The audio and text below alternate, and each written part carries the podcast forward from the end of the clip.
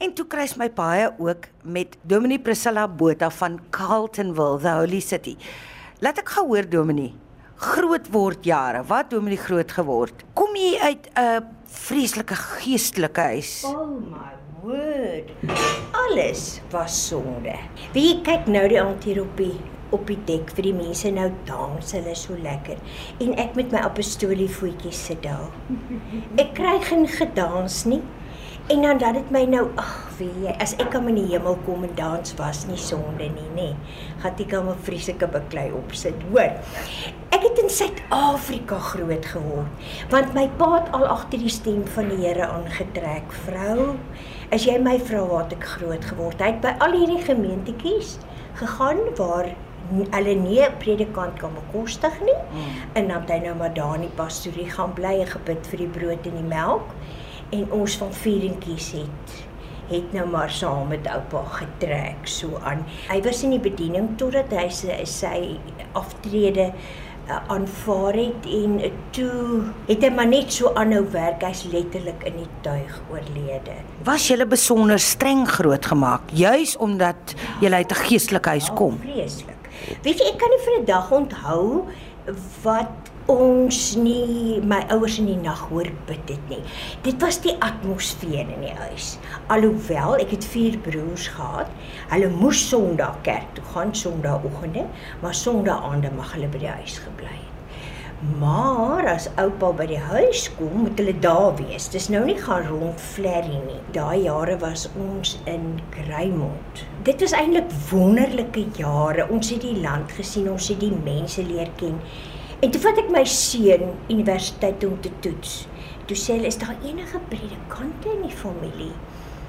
Ja, sê ek, weet jy, ooms, tannies, oupa, jy weet. Ek sê want die kind toon 'n besondere aanleg vir die bediening.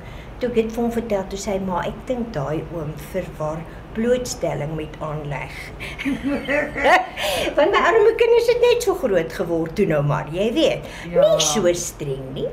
Ek het hulle keuse gegee. Ek het hulle ook keuse van geloof gegee. En dit het goed uitgewerk. Hoekom toe self u in die bediening begewe? Weet jy, ek het altyd geweet dit is wat ek moet doen. Ek het aanvanklik gedink ek moet gaan verpleeg, want ek het geweet ek moet mense help.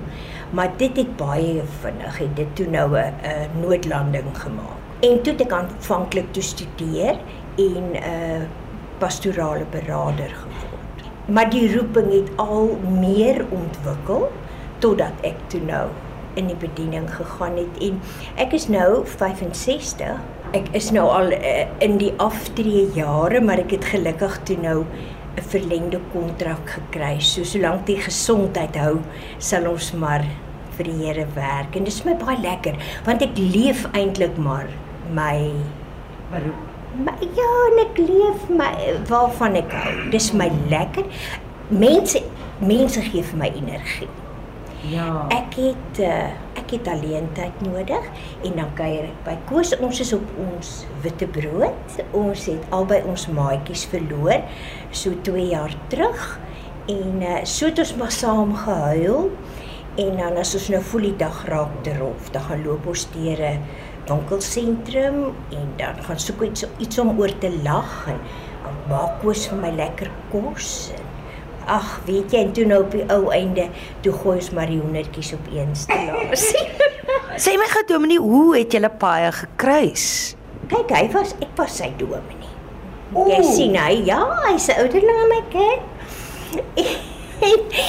toe sy vrou baie siek geword, sy oorlede vrou en ek het maar so 'n bietjie sterwensbegeleiding daar gedoen en haar begrawe en daarna het ons nou maar so so 'n bietjie saam gehuil. Jy weet, hulle vertel mos van die ou seentjie wat langs die oom en tannie gebly het en dan sê die die tannie en die oom gee mos koekies en lekker goedjies en so aan. En toe gaan die tannie dood. Toe sê sy maar vir hom jy gaan nie nou langs aan toe nie. Maar nou jy weet mos 'n kind. En toe hy nou terughardloop van die oom af. Toe sê sy nou, "Wat het jy daar gemaak?" Hy sê, "Ag, mamma, ek het net die oom bietjie gaan help huil." nou ek en Koos het net mekaar 'n bietjie gehelp huil. Ja. Dink Dominie dat 'n tweede geleentheid om liefde te kan vind later in mense lewe Maak iets anders. Gee jou 'n halfe huppel in jou stap en maak iets anders in jou wakker. Dit is en dit is asof jy sommer net weer wakker word, soos jy sê. Jy weet jy besef man, ek is nou nie op pad. Jy weet nou assies toe of wat ook al nie. Ons het nog 'n lewe voor en uh ons gaan hom voluit lewe. En toe besluit ons ons gaan nie op die boot gaan ons nou ons witte brood hou. Wat het julle kinders gesê toe julle toe nou ehm um, besluit om saam te kuier? Aanvanklik was dit 'n bietjie vieserig vir ons, jy weet, die twee ou mense wat nou so laf is. Maar gelukkig Gelukkig is hulle so lief vir ons. My kinders baie lief vir Koos en Koos se kinders het my sommer net so eh, met die aas en die en die sinker en alles aanvaar. Ons kuier oor en weer baie lekker. Wat van as ek nou vra byvoorbeeld, wat maak julle besonder gelukkig? Wat is die dinge waaraan julle vreugde vind om saam te doen? Wat ons sin vir humor, want hierdie twee mense kan lag. En as ons eers begin lag, dan kan ons nie opbou nie. Jy weet as ons nou byvoorbeeld vergeet het waar ons die kar parkeer. En dan loop ons die hele parkering deur, dan kom ons agter, maar ons soek die verkeerde kar, die ander kar staan by die huis, jy weet. Dan is dit nou hysteriese lag en ek dink ek geniet hom vreeslik omdat hy so hy is my my aflaai plek. As ek by die huis kom, dan skop ek skoene uit en al die goede en dan kuier ons. Dan kuier ons. Ek word net weer mens. Laat ons hoor wat sê die meneer self, wat sê hy Koos oor liefde later in jou lewe en hierdie besonderse vrou wat nou voor jou sit en jy is op julle witte brood. Dit is fantasties. Baie geluk. Baie dankie Heidi. Ja, ehm um, ek kan nie glo dat die Here ek het van die begin af gesê ek seker dat die Here het ons saamgebring so. Want ek het haar nooit voorheen geken, ek het haar net geken as my dominee en uh met my vrou se afsterwe het ons eintlik by mekaar mooi uitgekom so. So ja, vir my sê besonderse vrou sê haar persoonlikheid is vir my fantasties so. En ons kom so goed oor die weg. Dis hoekom ek sê die Here het ons baadjies by mekaar gesit. Ja, en julle wou mos sommer nog lank 'n pad stap saam, né? Nee?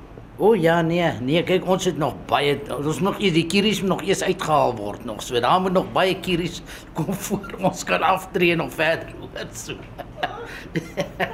nee, hy ons ons is baie gelukkig saam. Die Here se wil is gaan nog so lank pad saam stap man.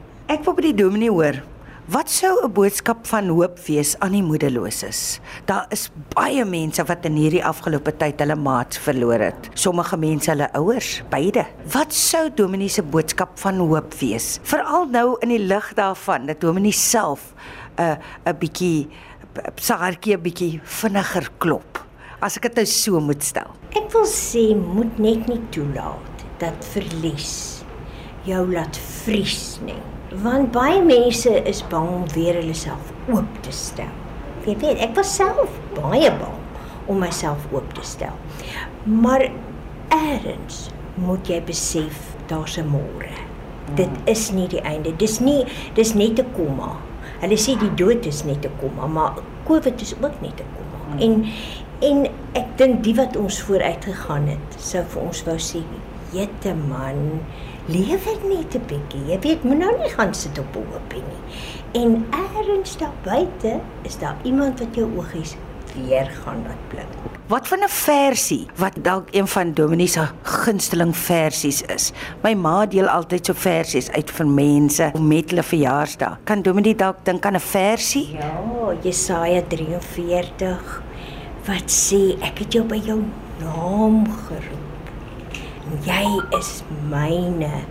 Hulle vertel van hierdie seentjie wat hierdie bootjie gebou het. En dat hy op die rivier gespeel en eendag toe vat die stroomie bootjie en hy loop by die winkel verby en hier staan die bootjie in die bankies winkel. In die venster maar vol stop en hy hardloop in. En hy sê oom dis my bootjie, ek het hom gebou. Sy seun, nou is dit myne. Nou sal jy moet koop. Hy sê hoor ek het nie geld nie. Hy sê nee, sien ek is jammer vir jou. Jy sal hom koop. Ag, en hy het motors gewas en gras gesny en Op die ouend toe nou genoeg geld en hy gaan en hy koop om toe hy buite kom. Toe vee hy so oor hom en hy sê vir hom, "Weet jy, ek het vir jou gebou. En nou het ek jou gekoop. Jy's tweemaal myne." Ek is so dankbaar dat ons baie gekry het. Dit wys net nê hoe 'n mens ander mense se stories hoor plekke waar jy nooit sou kon dink nie in die middel van die waar's ons. Ek weet nie eens waar ons nou is nie. Kyk, ja, vanmôre wat dit my so getref by die diens. Toe die dominee sê, "Wie van julle het al 'n erediens in die middel van die oseaan bygewoon?" En daar was vraggies nie eers 'n skip te sien nie. Dit was net water. Ons en die Here wat ons in ons oë gekyk het vanmôre. Dis so waar.